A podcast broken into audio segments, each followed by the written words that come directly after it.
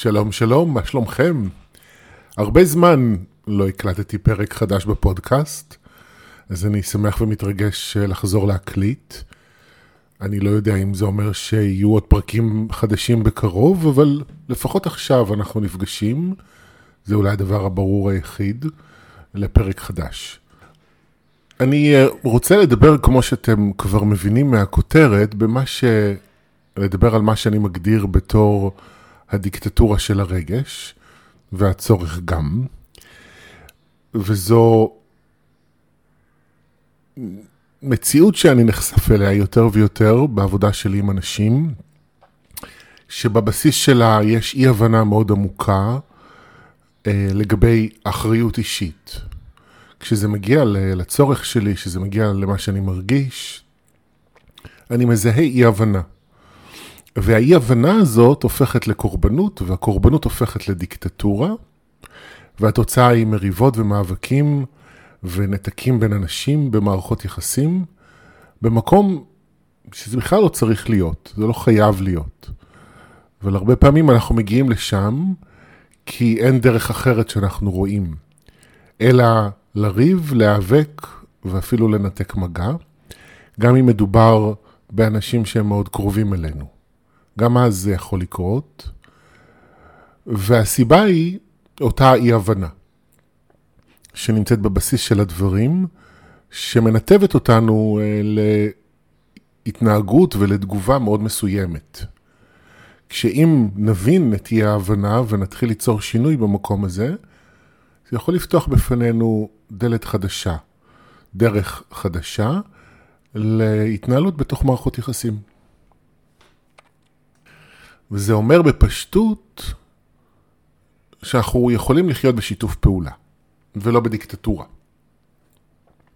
אוקיי, בואו ניכנס, נעשה זומין. בואו נתחיל להסביר קצת למה לעזאזל אני מתכוון בכל המילים הללו שלי. אז אמ,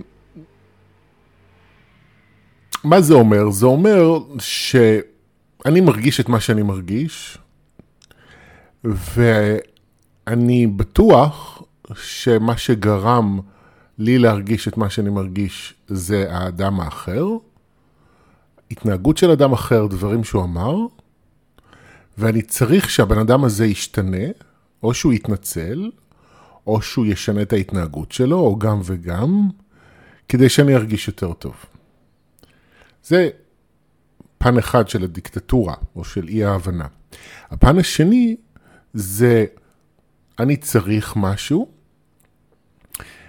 נגיד אני צריך uh, תשומת לב, אני צריך שיקשיבו לי, אני צריך שיראו אותי, אני צריך מקום, אבל אני גם צריך שהבן אדם המסוים הזה ייתן מענה לצורך הזה.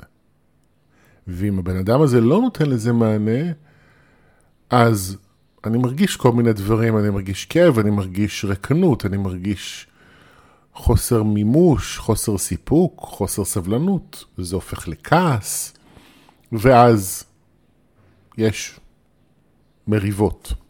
בשני הדברים, גם כשמדובר ברגשות, גם בצרכים, זה מוביל למריבה, כי אני צריך שהבן אדם יתנהג אחרת, יגיב אחרת, ידבר אחרת, כדי שהצורך שלי יקבל מענה, וכדי שאני ארגיש יותר טוב.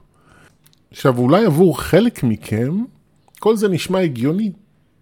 חיים במערכות יחסים, במיוחד נגיד כשמדובר בזוגיות, אנחנו אמורים להתחשב אחד בשני ולהיות רגישים אחד כלפי השני. ובאופן טבעי אנחנו מפנים צרכים רגשיים וגם פיזיים לפעמים לאנשים שאנחנו חיים איתם. ואני מסכים עם זה. וזה מה שגם מסבך את כל הסיפור, כן? זה לא שזה פשוט שאני יכול להגיד כן, אל תפעלו ככה, תפעלו רק ככה, או להפך. לא. אנחנו באמת נמצאים במערכות יחסים, אנחנו אמורים ללמוד שיתוף פעולה. כלומר, לא, אה, הרעיון הוא לא להסתדר לבד, להגיד, אני היחיד שאמור ויכול לתת מענה למה שאני צריך ורוצה, אבל גם בו זמנית, אני, התלות הזו שבה אני חייב, שבן אדם מסוים שאיתו אני חי, יתנהג בצורה מסוימת, גם היא לא בריאה. זאת אומרת, אנחנו הרבה פעמים נעים בדפוסים שלנו בתוך מערכות יחסים בין צד אחד של אני אסתדר לבד, לבין צד שני שאני חייב שאדם מסוים יתנהג בדרך מסוימת.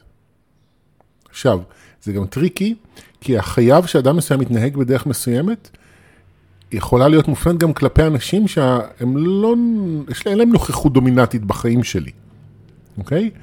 זה לא חייב להיות רק אה, כלפי בן זוג, או רק אה, כלפי אה, חברים טובים, או בני משפחה, זה יכול להיות אפילו כלפי אנשים בכביש, שאני חייב שאנשים ינהגו יותר רגוע, כדי שאני ארגיש בטוח. כל פעם שאני חייב, מבחינת ההרגשה הפנימית שלי, אני חייב שאנשים ישתנו, כדי שאני ארגיש אחרת. אני בבעיה. אני בתלות, אני בקורבנות, והדרך מזה לדיקטטורה היא מאוד מאוד מהירה, או לפחות ניסיון לדיקטטורה. עכשיו, למה אני בבעיה? כי אני במלחמה, כי אני במריבה. אני חושב שזו אחת הסיבות הנפוצות, אולי הסיבה הנפוצה ביותר, למריבות בין אנשים. כי אנשים רוצים לשנות אנשים אחרים, ואנחנו רוצים לשנות אנשים אחרים כדי להרגיש יותר טוב. ואז אנחנו נלחמים איתם. עכשיו, אני אוהב להגיד את המשפט הבא, שאם הבן זוג שלי, אני חי בזוגיות אה, כבר הרבה שנים, אם הבן זוג שלי אה, מעצבן אותי, אם אני, אה, אה, הוא מתנהג כמו שהוא מתנהג, ואם אני נכנס מזה לחוסר ביטחון, אם אני נכנס מזה לכאב, אם אני נכנס מזה ללא מספיק טוב, זו בעיה שלי. זאת אומרת, זו אחריות שלי. אני אומר בעיה שלי, אני מתכוון אחריות שלי. אם אני מרגיש את מה שאני מרגיש, זו אחריות שלי. עכשיו, נכון, ההתנהגות של הצד השני יכולה להשפיע עליי, היא משפיעה עליי. זאת אומרת, אם הבן זוג שלי מתנהג בצורה מסוימת, הוא לפעמים, נגיד, מתנהג בצורה שמזכירה לי אנשים מהילדות שלי. וכל מיני מצבים שהרגשתי בהם לא מספיק טוב מול אותם אנשים מהילדות שלי. ו... אני באותם רגעים מרגיש שאני חוזר אחורה בזמן. אוקיי. עכשיו, יש לי שתי ברירות. האחת היא לכעוס עליו שהוא מתנהג ככה. הברירה השנייה היא לחזור ולבדוק את מי הוא מזכיר לי. איפה עוד בחיים שלי הרגשתי כמו שאני מרגיש כרגע.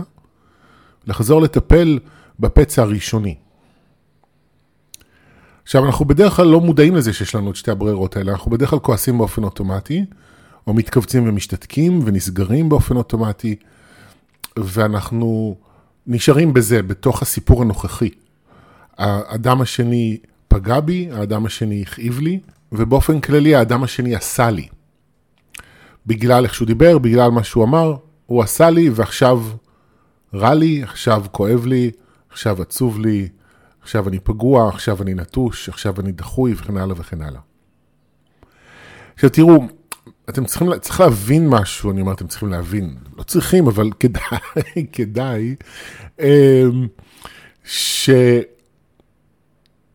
הרבה פעמים לא יודעים להבדיל בין, הג... בין ה... מה, איפה עובר הגבול בין מה שאנחנו מרגישים לבין המציאות. אנחנו בטוחים בדרך כלל שמה שאני מרגיש שקורה, מעיד על מה שקורה. כלומר, אם אני מרגיש נטוש בתוך מערכת יחסים, זה אומר שנטשו אותי.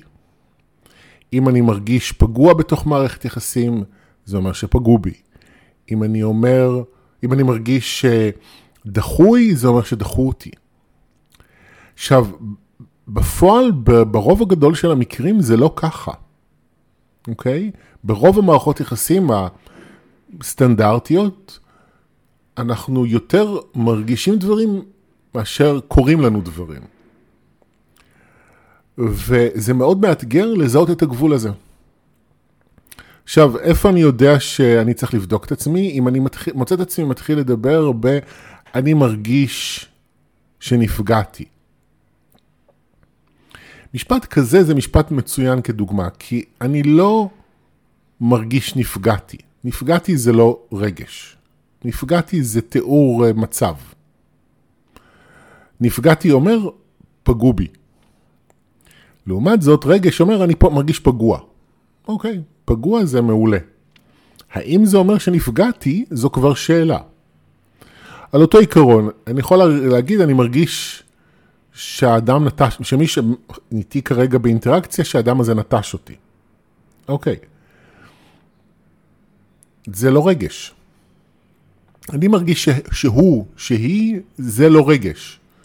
זה דעה או פרשנות, או אולי אפילו הבחנה מאוד מדויקת של המציאות, אבל זה לא רגש. רגש אומר, אני מרגיש נטוש. אוקיי, כשאני חוזר ומדבר במה אני מרגיש, ובאמת מה אני מרגיש, מה אני מרגיש,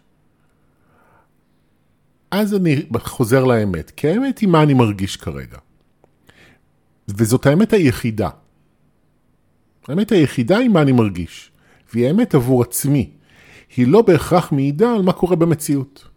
עכשיו, בוא נראה מה קורה במציאות. זה שאני מרגיש נטוש, האם נטשו אותי? זה שאני מרגיש דחוי, האם דחו אותי? ומכאן צריך להתחיל לחקור, ואין לי באמת תשובה שאני יכול לתת באופן טבעי. מערכות יחסים זה דבר סופר מגוון ויש המון מצבים שאנחנו נמצאים בהם וצריך לבחון כל מקרה לגופו. כדי לראות מה באמת קרה. אוקיי, אני פגוע, האם זה אומר שהאדם באמת פגע בי? האם הוא באמת דיבר בצורה פוגעת, בטון פוגע, במילים פוגעות? האם האדם באמת עשה משהו פוגע? עכשיו, זה עניין מאוד עקרוני, כי האדם יכול להתנהג בצורה מסוימת שמעלה לי כאב, אבל זה לא אומר שהוא פגע בי. וזה הרבה פעמים מה שקורה לנו, אנחנו לא רוצים להרגיש כאב, אז אנחנו כועסים על מי שמהווה עבורנו טריגר.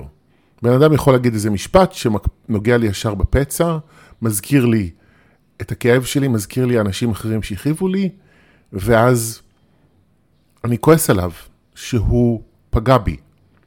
עכשיו, צריך להבין משהו, אנחנו חיים במערכות יחסים, ויש איזשהו רצון בשנים האחרונות להגיע לאיזשהו סוג של סטריליות רגשית, שאני רואה את זה אצל יותר ויותר אנשים, ששום דבר לא יכאיב לי, שום דבר לא יפחיד אותי, שום דבר לא יכווץ אותי, ואם משהו כזה קורה, אז אני כועס, זה לא בסדר. והבן אדם צריך להשתנות, אנשים צריכים להשתנות. עכשיו, זה קורה לנו גם במערכות יחסים אישיות, אבל זה גם קורה חברתית, תרבותית. קוראים לזה פוליטיקת הזהויות של השמאל, הפוליטיקלי קורקט, שאי אפשר לדבר על דברים בחופשיות, אי אפשר לצחוק על דברים בחופשיות. עכשיו, לפעמים הפוליטיקלי קורקט הוא חשוב, כי אנחנו רגילים לדבר בצורה שבאמת פוגעת וצריך לשנות את זה, אבל לפעמים זה עובר את הגבול והופך להיות סוג של דיקטטורה. שאסור לאף אחד לדבר בצורה שמעלה בתוכי כאב, כי כל דבר שנוגע בכאב שלי מוגדר כפוגע בי, ולכן ראוי לגינוי ויש דרישה לשינוי. עכשיו, אנחנו חיים במערכות יחסים. מערכות יחסים זה להתערבב, מערכות יחסים זה להרגיש, מערכות יחסים זה במערכות להתלכלך ברגשות שלנו. זה לגעת במקומות שהם מאוד מאוד משמחים, בחוויות מאוד משמחות וגם בחוויות מאוד כואבות לפעמים.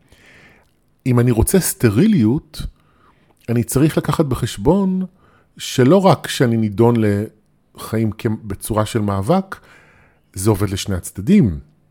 אם אין מקום לכאב, אין מקום ללב. אני לא יכול לטשטש ולהעלים את הרגשות הכואבים שלי ולרצות להרגיש טוב.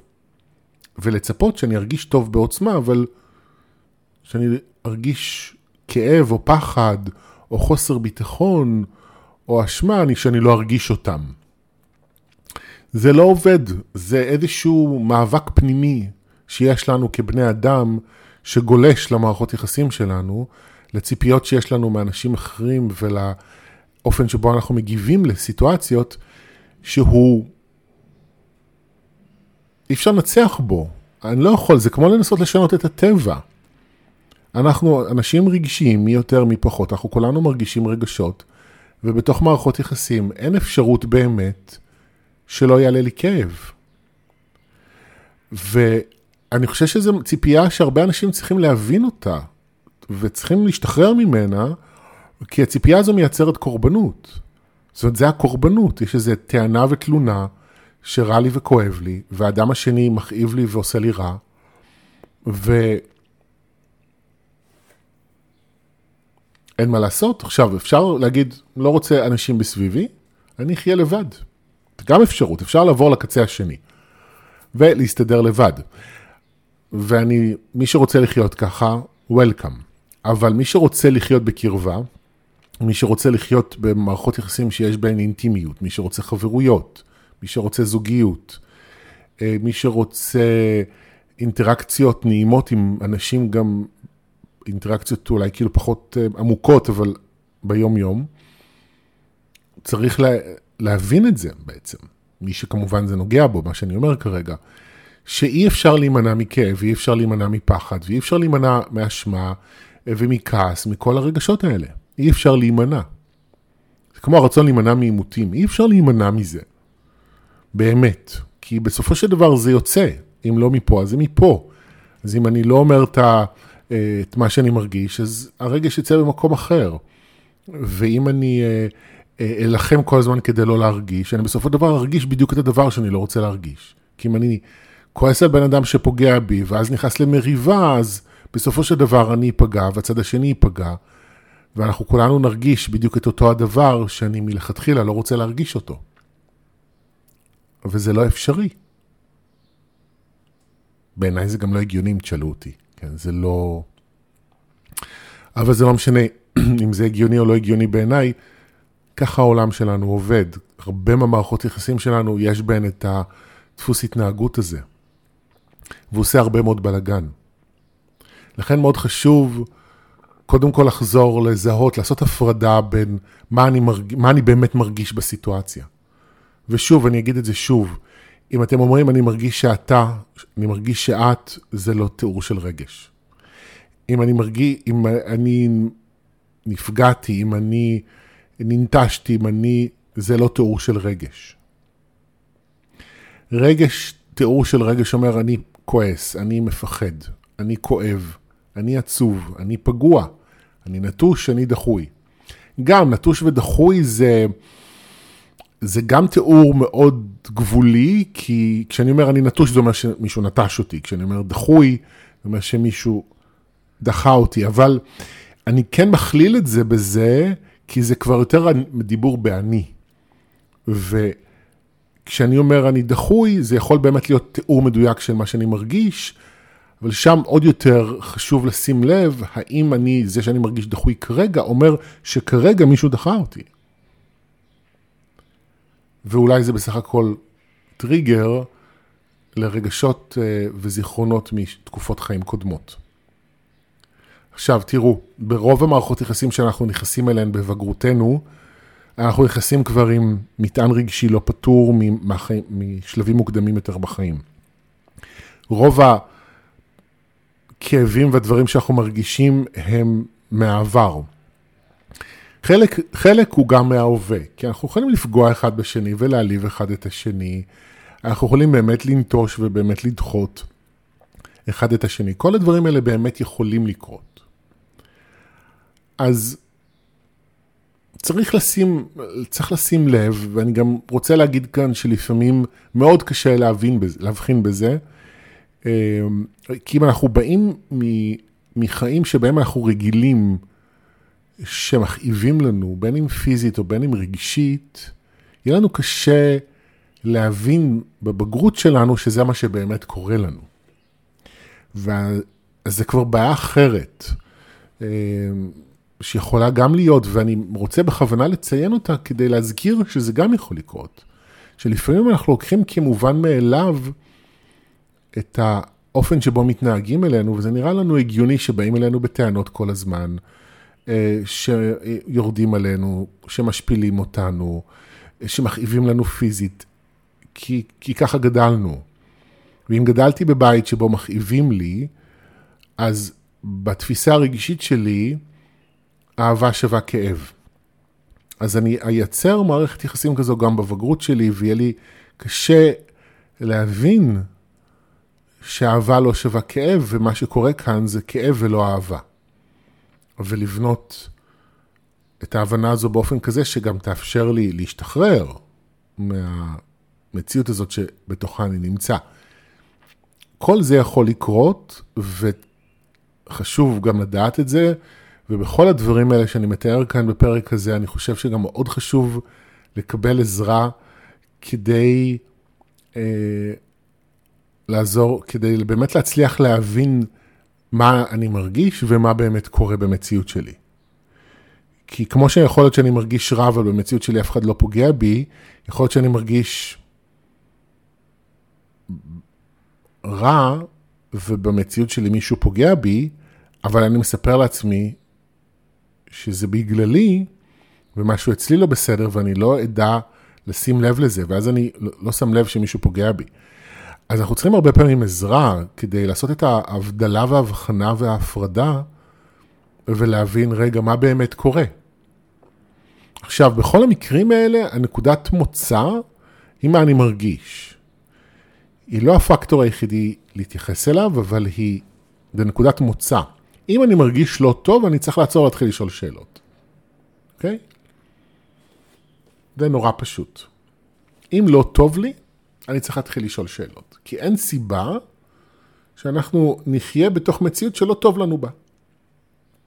זה נורא פשוט. אבל הפשוט הזה הוא, לצערי הרב, לא פשוט ליישום, כי אנחנו הרבה פעמים רגילים להתפשר. מצד שני, גם מאוד חשוב לברר מי האחראי האמיתי למה שאני מרגיש. אם אני מוצא את עצמי כל הזמן כועס על אנשים, ויש לי מריבה שחוזרת על עצמה בתוך מערכת יחסים, זה עוד נקודה שאני צריך לעצור בה ולשאול, רגע, אוקיי, מה אני רוצה מהבן אדם הזה? מה אני רוצה שהוא ייתן לי שהוא לא נותן לי? זאת שאלה אחת. ואז כדאי שאני אתחיל לשאול את עצמי, האם אני נותן לאותו אדם את מה שאני רוצה שהוא ייתן לי? תדעו לכם שזה כלל, שאם אני רוצה לקבל משהו, אני צריך לתת אותו. בדרך כלל אנחנו לא מקבלים דברים שאנחנו לא נותנים, גם לאדם השני וגם לעצמנו. אז זאת שאלה אחת, מה אני רוצה לקבל מהבן אדם, ושאלה שנייה, מה אני רוצה שישתנה בתוכי, מה אני רוצה להפסיק להרגיש.